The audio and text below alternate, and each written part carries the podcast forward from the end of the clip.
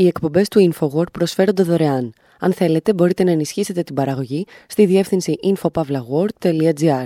Η διεύθυνση infopavlagor.gr. Η εκπομπή InfoWord με τον Άρη Χατζηστεφάνου.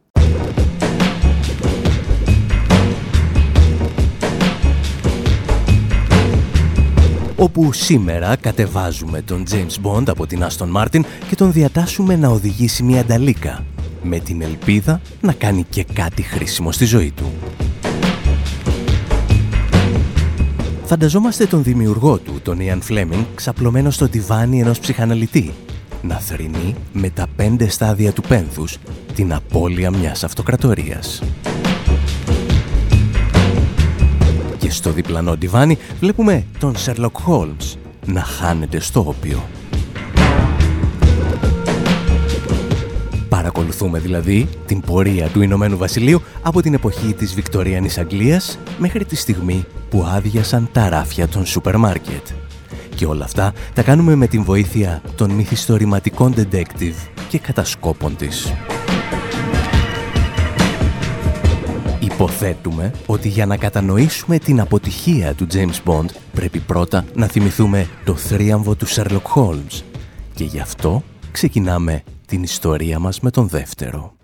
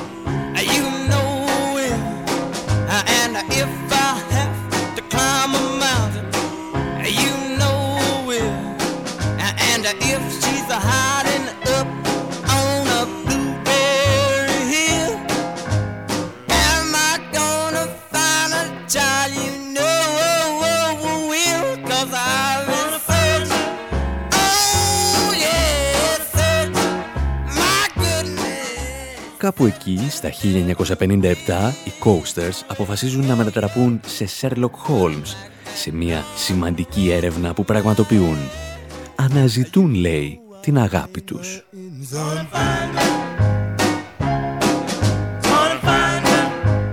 Στο τραγούδι τους αναφέρουν και καμιά ντουζίνα ακόμη αστυνομικούς και detective, οι οποίοι θεωρητικά θα μπορούσαν να βοηθήσουν το δύσκολο αυτό έργο.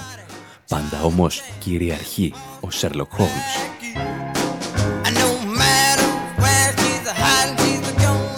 Γιατί ο ήρωας του Σερ Άρθουρ Κόναν Ντόιλ θα γεννηθεί το 1887 και έκτοτε δεν θα ξεχαστεί ποτέ.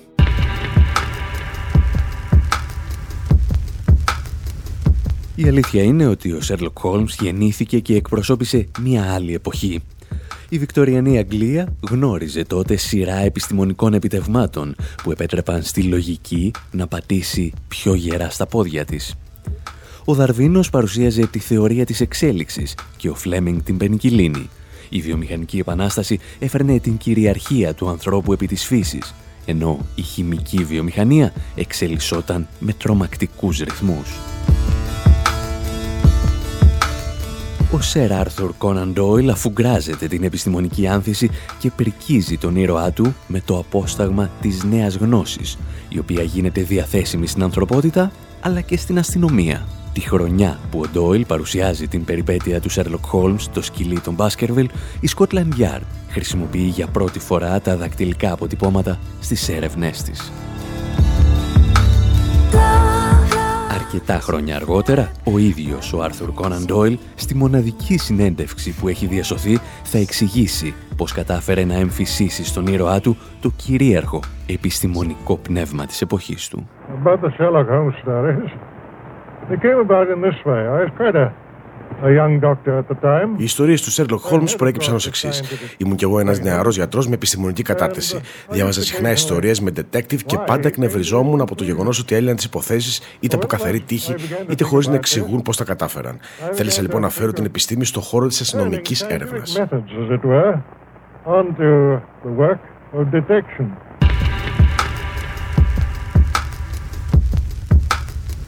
Ο λόγος για τον οποίο εδώ και τόση ώρα ακούμε το μουσικό θέμα από την τηλεοπτική σειρά Dr. House είναι γιατί ο Ντόιλ είχε τη μοναδική ευκαιρία να θητεύσει ως μαθητευόμενος γιατρός υπό τον Dr. House της εποχής του.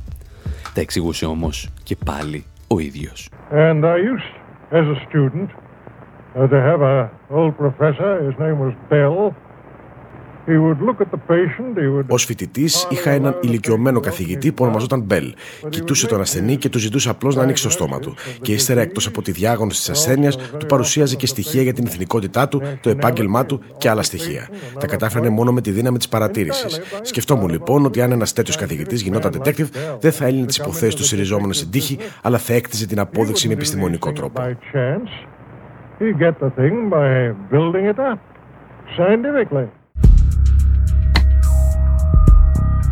Μήπως λοιπόν όλες αυτές οι ιστορίες περί επανάστασης των επιστημών κάνουν τον Σέρλοκ Χόλμς κομιστή της προόδου και σε κοινωνικό επίπεδο; Η απάντηση είναι κάθε άλλο.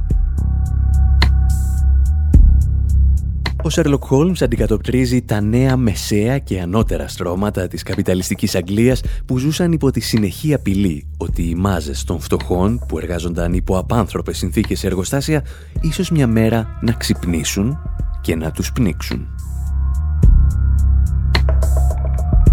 Ο απόμακρος και σνομπ Σέρλοκ Χόλμς συγκινεί αυτά τα στρώματα γιατί δείχνει τη διαχωριστική γραμμή ανάμεσα στις κοινωνικές τάξεις για την ιστορία, ο Άρθουρ Κόναν Ντόιλ είναι από τους πρώτους συγγραφείς αστυνομικών μυθιστορημάτων που δημιουργεί το μύθο του επικίνδυνου Μπάτλερ, το υπηρετικό προσωπικό που απειλεί την ευημερία και την ασφάλεια των αφεντικών του. Λίγα χρόνια αργότερα μάλιστα από αυτές τις περιγραφές του Ντόιλ θα δημιουργηθεί και η περίφημη βρετανική φράση «The Butler did it», ο υπηρέτης το έκανε. Τη στιγμή που ο Ντίκενς έπαιρνε το μέρος του προλεταριάτου και περιέγραφε τις άθλιες συνθήκες εργασίας της βιομηχανικής επανάστασης, ο Σερ Άρθουρ Κόναν Ντόιλ τασόταν αναφανδόν με τα αφεντικά.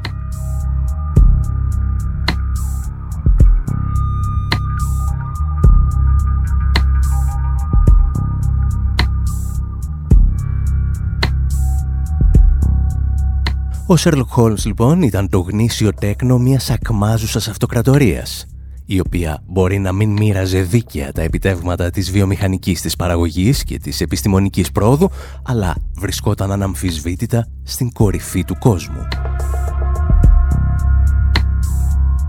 Όταν αυτή η αυτοκρατορία θα καταρρεύσει, η Βρετανική λογοτεχνία καλείται να δημιουργήσει ένα νέο ήρωα, ο οποίος θα κρύψει το συλλογικό τραύμα πίσω από γκάτζετ και κυνηγητά με πολυτελή αυτοκίνητα.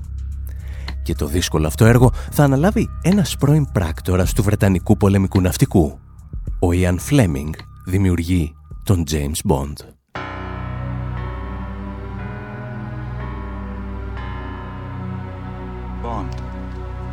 James Bond.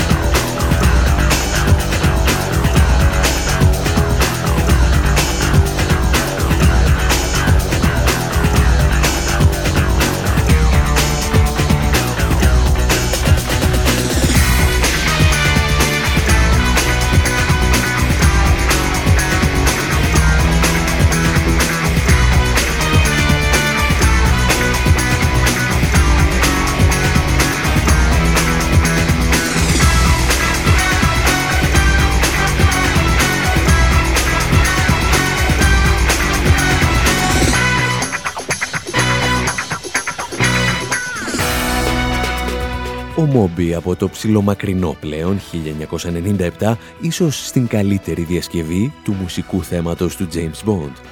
Ένα προϊόν που όπως έλεγε κάποτε και ο Βρετανός δημοσιογράφος Ian Nudd παλεύει εδώ και δεκαετίες να κρύψει την ηλικία του.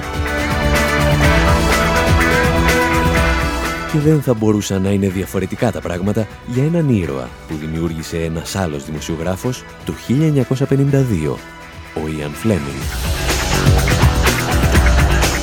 Όπως συμβαίνει και με αρκετούς ακόμη συγγραφείς κατασκοπευτικών διηγημάτων, ο Φλέμινγκ ήταν και αυτός πράκτορας. Για την ακρίβεια βέβαια, ήταν γραμματέας του επικεφαλής του Γραφείου Πληροφοριών του Βρετανικού Πολεμικού Ναυτικού. Γιατί, ως γνωστόν, το να είσαι πράκτορας δεν είναι ποτέ τόσο συναρπαστικό όσο στις ταινίες. Το πρόβλημα με τον Φλέμινγκ ήταν ότι ήθελε πραγματικά να παρουσιάζει το έργο των κατασκόπων ως κάτι το συναρπαστικό, αποκρύπτοντας δηλαδή όλη τη βρώμικη δουλειά που το συνοδεύει. Και εδώ βρίσκεται όπως έχουμε ξαναπεί η μεγάλη του διαφορά από τον άλλο γίγαντα της κατασκοπευτικής λογοτεχνίας, τον Τζον Λε Καρέ. Αυτός, αν θυμάστε, έβαζε τους ήρωές του να λένε παλιοκουβέντες για τους πράκτορες, σαν κι αυτές. What the hell do you think spies are? Moral philosophers measuring everything they do against the word of God or Karl Marx. Τι στο διάλογο νομίζω ότι είναι κατάσκοποι. Τίποτα ηθικολόγοι, φιλόσοφοι που ακολουθούν το λόγο του Θεού ή του Κάρλου Μάρξ. Δεν είναι τίποτα από αυτά. Είναι ένα μάτσο δημόσιοι υπάλληλοι που παίζουν τους καουμπόιδες για να ρίξουν λίγο φως στη μίζωρη ζωούλα τους. Νομίζω ότι κάθεται σαν τους μοναχούς να σκέφτεται τι είναι σωστό και τι λάθος. Χτες δεν τον είχα σκοτώσει τον Μαντ γιατί πίστευε ότι είναι κακός και εχθρός. Σήμερα όμως πιστεύω ότι είναι κακός και φίλος μου. Το Λονδίνο το χρειάζεται.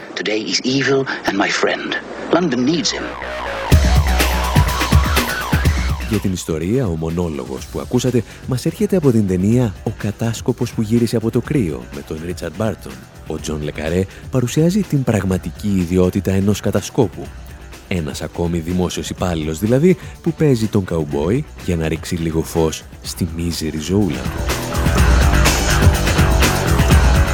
Ο James Bond από την πλευρά του είχε πάντα μια διαφορετική ιστορία να διηγηθεί για να δικαιολογήσει το γεγονός ότι απλώς ήταν ένας υπάλληλος της βασίλισσας. Αυτό ακριβώς που προσπαθούσε να μας εξηγήσει και ο Jack White όταν αποφάσισε να συμμετέχει και αυτός στο soundtrack μίας εκ των ταινιών του James Bond. Τον ακούμε και επιστρέφουμε.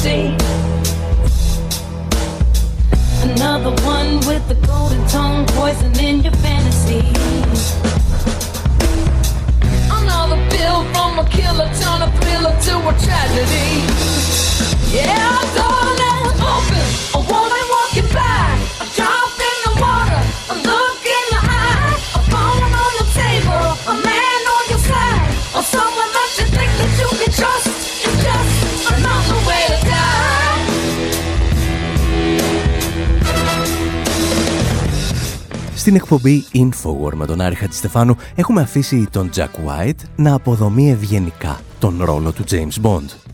Άλλος ένας κύριος λέει με χρυσό τόνο φωνής που εργάζεται για τη Βασίλισσα. Και όλα αυτά δεν είναι τίποτα περισσότερο από έναν ακόμη τρόπο για να πεθάνεις. Το 2012 οι δημιουργοί της σειράς ταινιών James Bond αποφασίζουν να δανείσουν για λίγο τον ήρωά τους στην Βασίλισσα Ελισάβετ προκειμένου να την συνοδεύσει στην τελετή έναρξης των Ολυμπιακών Αγώνων του Λονδίνου. James Bond epic starring Daniel Craig and Her Majesty the Queen. Ο James Bond, αν θυμάστε, υποτίθεται ότι πηδούσε από ένα ελικόπτερο μαζί με τη Βασίλισσα για να προσγειωθούν στο Ολυμπιακό στάδιο της χώρας, όπου τους περίμενε ο επικεφαλής της Διεθνούς Ολυμπιακής Επιτροπής, Ζακ Ρόγκ. Ladies and gentlemen, please stand for Her Majesty the Queen and His Royal Highness the Duke of Edinburgh. accompanied by the president of the International Olympic Committee, Jacques Rogge.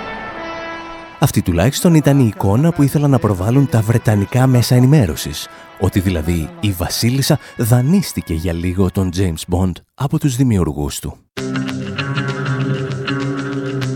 Εμείς πάλι έχουμε την υποψία ότι ήταν η παραγωγή των ταινιών που δανείστηκαν για λίγο τη Βασίλισσα Ελισάβετ τη δεύτερη του Ηνωμένου Βασιλείου και μάλιστα την μετέτρεψαν σε ένα ακόμη κορίτσι του Μποντ.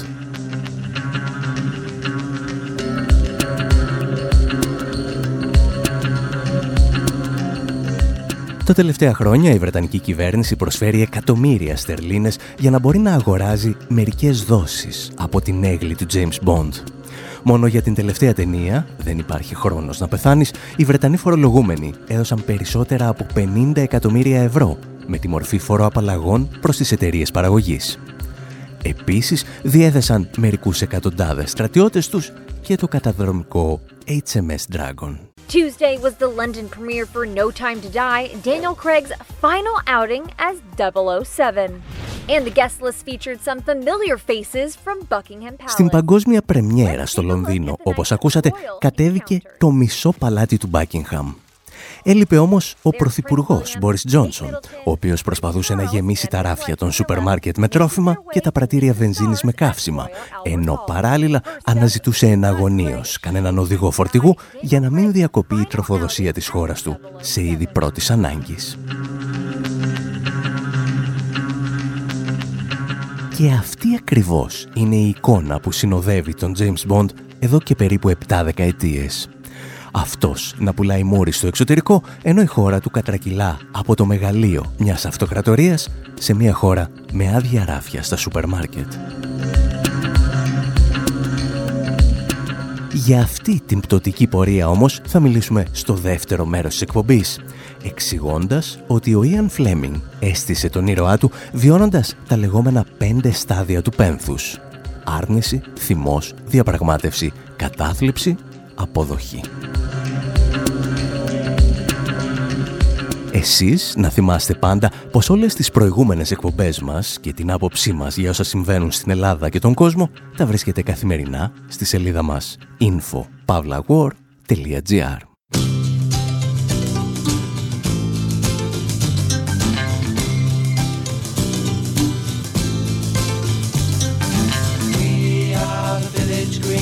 Preservation Society.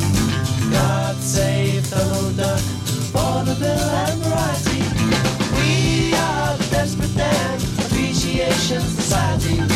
God save strawberry jam and all the different varieties. Serving the old ways from being abused. Protecting the new ways for me and for you. What more can we do? We are the Draft Beer Preservation Society. God save Mrs. Moss and good old Mother Riley. We are the Custard Appreciation Consortium. God save the George Cross and all those who are loving them.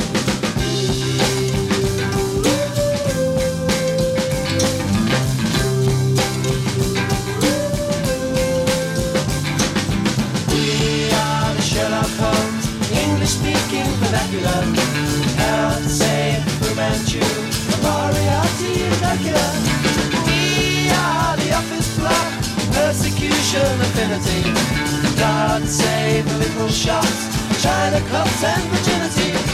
We are the skyscraper, condemnation affiliates. God save Tudor houses, antique tables and billions. Serving the old ways from being abused protecting the new ways for me and for you. What more can we do?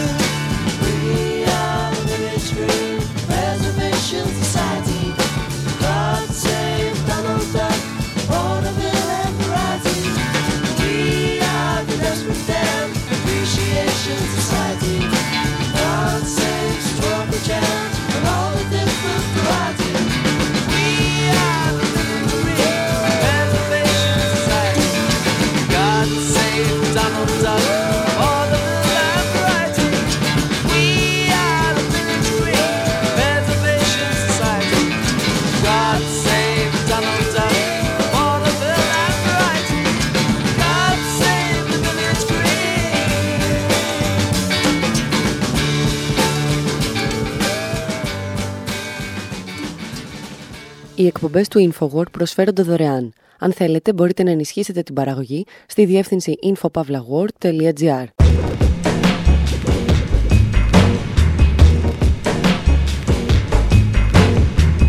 Εκπομπή InfoWord, μέρος δεύτερο. όπου περιγράφουμε την πορεία του Ηνωμένου Βασιλείου από την εποχή της Βικτοριανής Αγγλίας μέχρι τις ημέρες μας, με δύο ήρωες μυθιστορήματος, τον Sherlock Holmes και τον James Bond. Είδαμε τον πρώτο να μεσουρανεί στα χρόνια της βιομηχανικής και επιστημονικής κυριαρχίας μιας αυτοκρατορίας και έχει έρθει η στιγμή για τον James Bond να τα θάψει όλα και να ξαπλώσει στον τιβάνι της ψυχανάλυσης.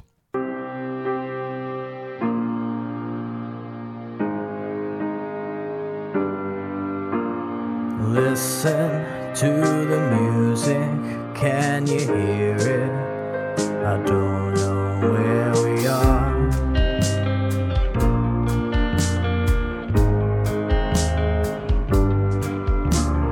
Well, you could say things aren't going your way, but maybe the way is just wrong. I can see you in a moonlit room, but tell me, do we still belong? Praying on my mind, still can't change the tide. Melody everywhere, who wins? Could you dare to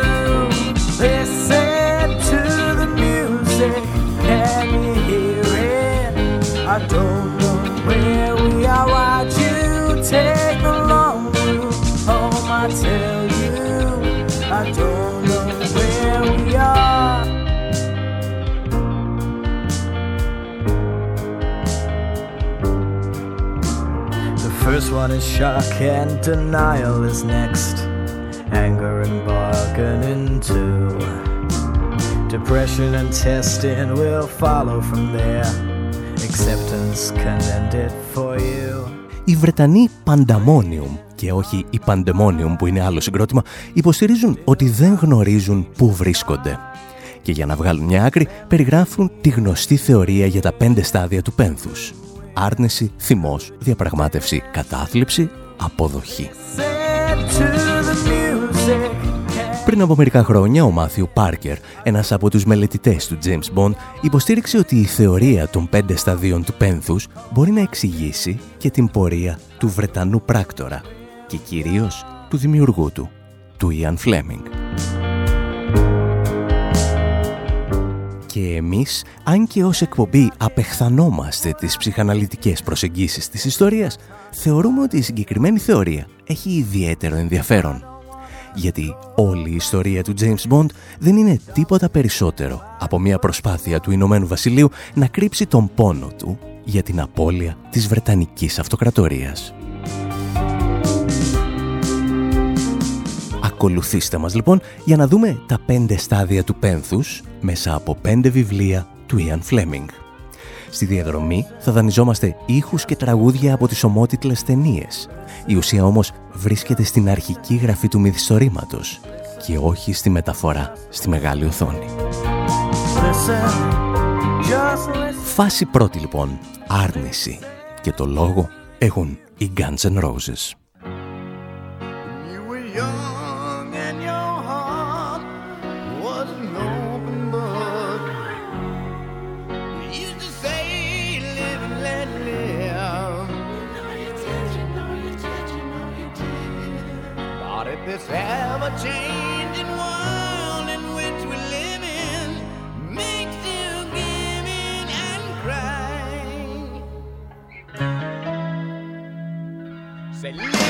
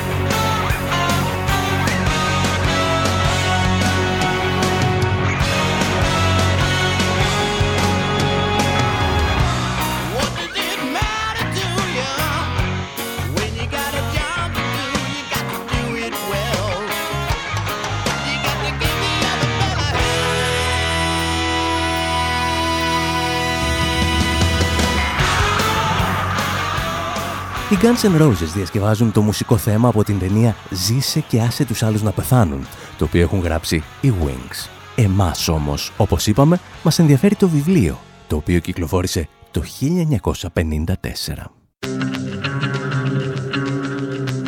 Με αυτό το βιβλίο, εξηγεί ο Μάθιου Πάρκερ, ο Ιαν Φλέμινγκ βιώνει τη φάση της άρνησης, καθώς το Ηνωμένο Βασίλειο έχει μόλις ακροτηριαστεί.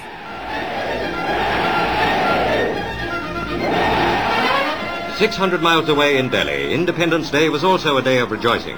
Tumultuous crowds filled the streets, celebrating, singing and laughing. Police were called out many times to restore... Το 1947 η Ινδία γιορτάζει την ανεξαρτησία της από τη Βρετανική κυριαρχία και το ίδιο κάνει και το Πακιστάν που ανακηρύσσεται ανεξάρτητο κράτος. Through Karachi's streets drives the Qadi Azam, Muhammad Ali Jinnah, Pakistan's first Governor General. It's Karachi's first day of independence, and the crowds are out to greet him and Earl Mountbatten. On his last day as Viceroy... Παρά το γεγονός λοιπόν ότι το Λονδίνο έχει ήδη υποστεί την πρώτη του γεωπολιτική συντριβή, ο Βρετανός πράκτορας διατηρεί τον σεβασμό των νικητών του Δευτέρου Παγκοσμίου Πολέμου ως εκπρόσωπος μιας αυτοκρατορίας και συμπεριφέρεται ως τέτοιος.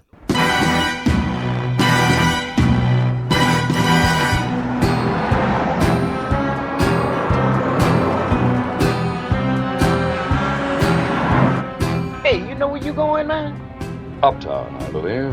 Uptown? You headed into Harlem, man. Well, you just keep on the tail of that jukebox and there's an extra 20 in it for you. Hey, man. For 20 bucks, I'll take you to a Ku Klux Klan cookout. Το «Ζήσε και άσε τους άλλους να πεθάνουν» είναι ίσως το πιο ρατσιστικό έργο του Ιαν Φλέμινγκ, καθώς στέλνει τον James Bond στην καρδιά του Χάρλεμ, όπου οι μαύροι αν δεν είναι εγκληματίες, είναι πράκτορες των Σοβιετικών μυστικών υπηρεσιών. Και ο James Bond πιστεύει ότι μπορεί ακόμη να συμπεριφέρεται σαν απεικιοκράτης. Από την άρνηση της πραγματικότητας όμως, ο Ιαν Φλέμινγκ θα περάσει σύντομα στη φάση της οργής με το βιβλίο του «Τα διαμάντια είναι παντοτινά». Diamonds are forever. I need to please me. They can stimulate and tease me. They won't leave in the night. I've no fear that they might desert me. Diamonds are forever.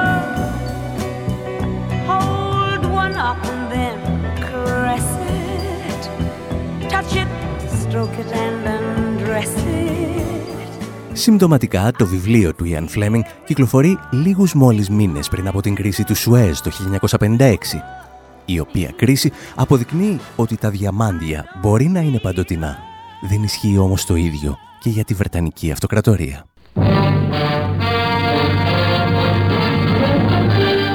A new Middle East crisis arises as President Nasser of Egypt tells a wildly cheering crowd in Alexandria that Egypt has seized the internationally owned Suez Canal. Καθώς ο πρόεδρος Νάσερ της Αιγύπτου ανακοινώνει την εθνικοποίηση της διόρυγας του Σουέζ, η Βρετανία μαζί με τη Γαλλία και το Ισραήλ νομίζουν ότι μπορούν να αντιστρέψουν την απόφαση με στρατιωτικά μέσα. Οι Ηνωμένες Πολιτείες και η Σοβιετική Ένωση όμως θα τους εξηγήσουν ότι η εποχή όπου απεικιοκρατικές δυνάμεις της Ευρώπης καθόριζαν την τύχη του κόσμου τερματίστηκε με το Δεύτερο Παγκόσμιο Πόλεμο. Η αναδίπλωση στην οποία αναγκάζεται το Λονδίνο είναι ταπεινωτική και για όλους τους ιστορικούς σηματοδοτεί το οριστικό τέλος του Βρετανικού Ιμπέριουμ. Ο Φλέμινγκ βιώνει τώρα τη φάση της οργής και παρουσιάζει τη νέα υπερδύναμη του δυτικού κόσμου, δηλαδή τις Ηνωμένες Πολιτείες, σαν ένα συνοθήλευμα νεοπλουτισμού και εγκληματικότητας. Και τότε είναι λογικό να ξεκινήσει η τρίτη φάση του πένθους, η διαπραγμάτευση. Από τη Ρωσία με αγάπη, αλλά με το βλέμμα πάντα στις Ηνωμένες Πολιτείες.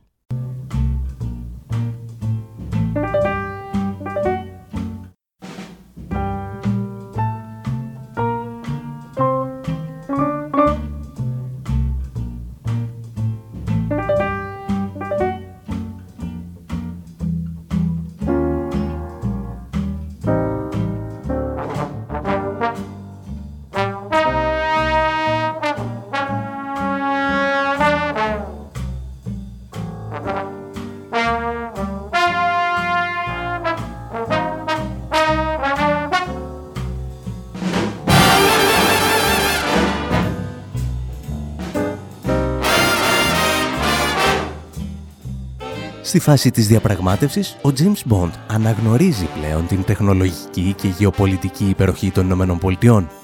Θεωρεί όμως ότι διατηρεί ο ίδιος την αξία χρήσης του χάρη στην εφευρετικότητά του και την αγάπη του για περιπέτεια.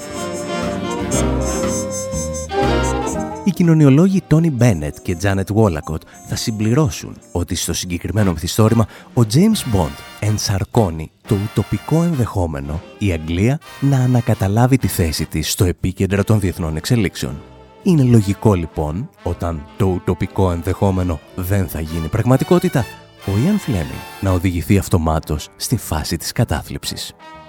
Ακόμη και όταν νομίζει ότι ζεις μονάχα δύο φορές.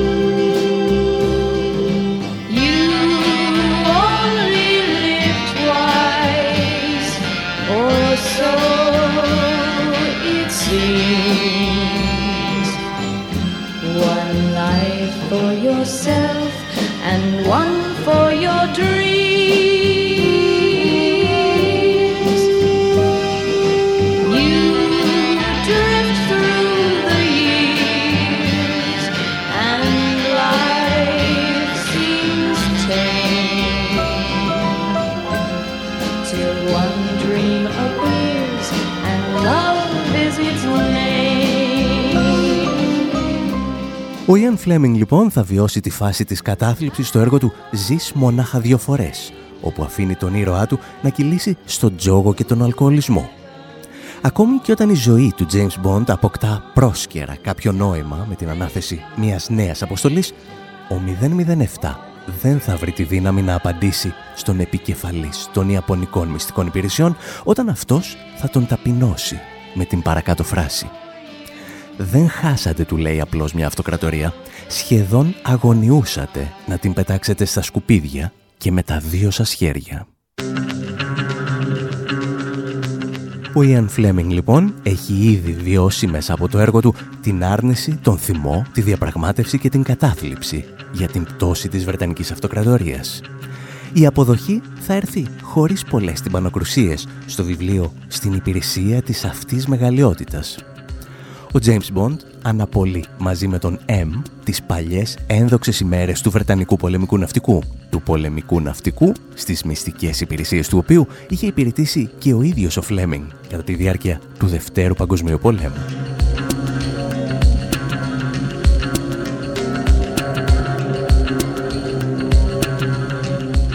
Παρά το γεγονός πάντως ότι ο Ian Fleming θα πεθάνει το 1964, οι δημιουργοί των τηλεοπτικών σειρών θα συνεχίσουν να παρακολουθούν τις διεθνείς εξελίξεις και να τις περιλαμβάνουν στα έργα τους, ακόμη και υποσυνείδητα. Γι' αυτό λέμε να θυμηθούμε κάτι και από τις δύο τελευταίες ταινίες που μας οδήγησαν στην πρεμιέρα του No Time to Die. Ο οδηγός μας αυτή τη φορά το συγκρότημα Nephew.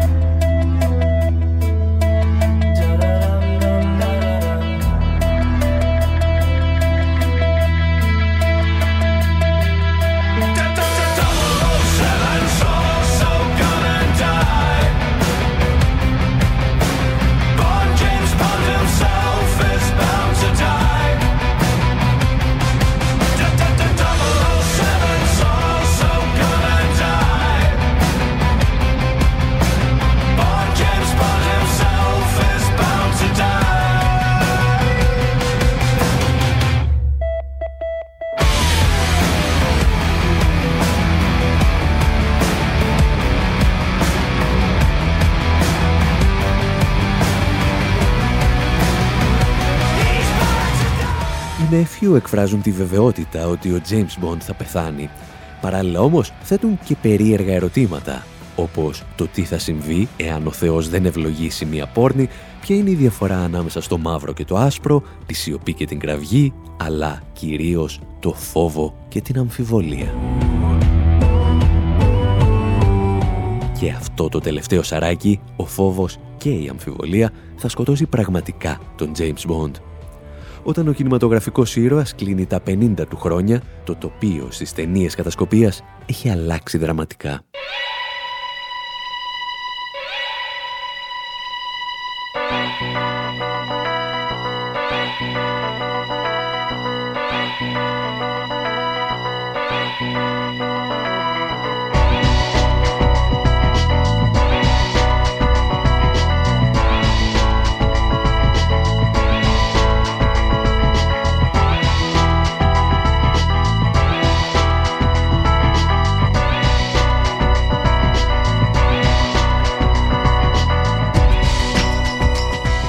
Θέση του James Bond, που δεν υδρώνει ούτε στις πιο έντονες σκηνές καταδίωξης, βρίσκονται πλέον ήρωες, όπως ο Jason Bourne, τον οποίο υποδίεται ο Matt Damon στην ταινία «Χωρίς ταυτότητα».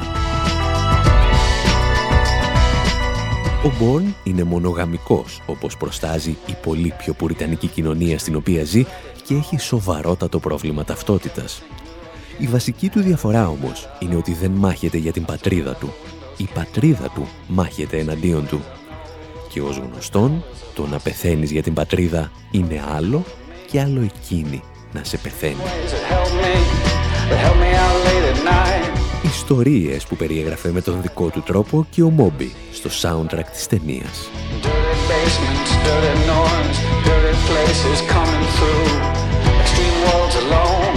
Did you ever like it, Pam? I would stand in line for this. There's always room in life for this.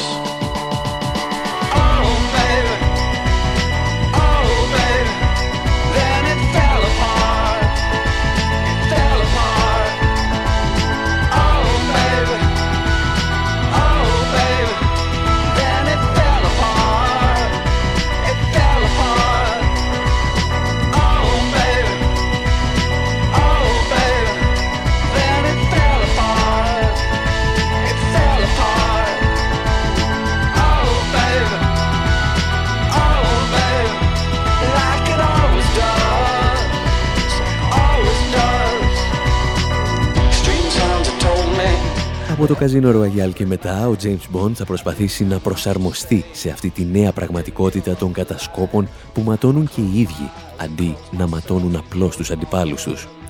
Θα χρειαστεί όμως σχεδόν μία δεκαετία ώστε να φτάσει στο σημείο όπου η δική του πατρίδα και οι δικές του μυστικές υπηρεσίες να είναι ο μεγαλύτερος κίνδυνος για τον πλανήτη.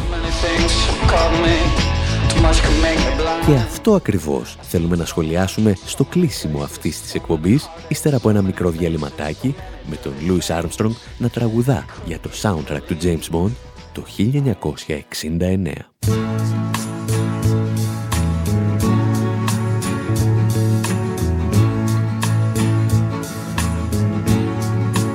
We have all the time in the world. Time enough for life to unfold all the precious things love has in store. We have all the love in the world. If that's all we have you will find we need nothing more. Every step of the way will find us with the care. Στην εκπομπή Infowar με τον Άρη Χατζηστεφάνου παρακολουθούμε τη μετάλλαξη του James Bond από το τέλος της Βρετανικής Αυτοκρατορίας στην εποχή ενός νέου ολοκληρωτισμού. Το Spectre περιγράφει ένα σύστημα στο οποίο μεγάλοι επιχειρηματίες χρησιμοποιούν τις μυστικές υπηρεσίες για τα συμφέροντά τους. Και όποια χώρα δεν θέλει να παίξει σε αυτό το παιχνίδι, τιμωρείται με την εμφάνιση τρομοκρατικών οργανώσεων. Δημιουργοί της ταινίας ξέρουν πώς να δανείζονται στοιχεία από την πραγματικότητα για να κάνουν το έργο τους πιο αληθοφανές. Το σύστημα των εννέα οφθαλμών, λόγου χάρη που παρουσιάζουν, παραπέμπει στο λεγόμενο Five Eyes, τη συνεργασία των μυστικών υπηρεσιών πέντε αγγλόφωνων χωρών. Well, they call themselves the Five Eyes, partnership made up of intelligence agencies in five English-speaking countries: the US, the UK, Australia, Canada, τα διεθνή μέσα ενημέρωσης έχουν μιλήσει αρκετές φορές για το σύστημα ανταλλαγής πληροφοριών που έχουν δημιουργήσει οι Ηνωμένες Πολιτείες, η Μεγάλη Βρετανία, ο Καναδάς, η Αυστραλία και η Νέα Ζηλανδία. Ελάχιστοι όμως το συνδέουν και με τα οικονομικά συμφέροντα που κρύβονται πίσω του.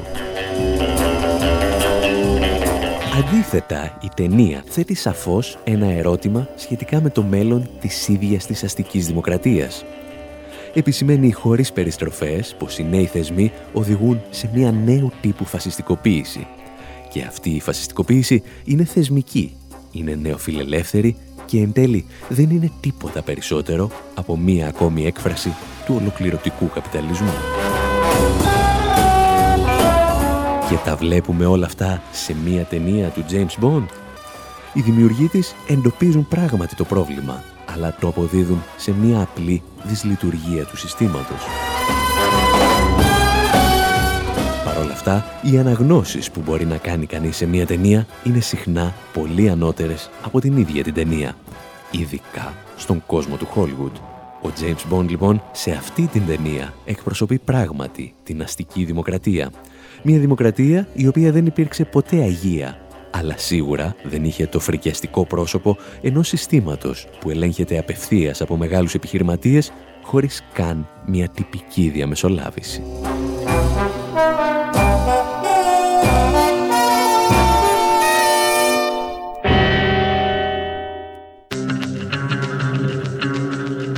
Κάπου εδώ όμως και εμείς λέμε να σας αφήσουμε και για αυτή την εβδομάδα.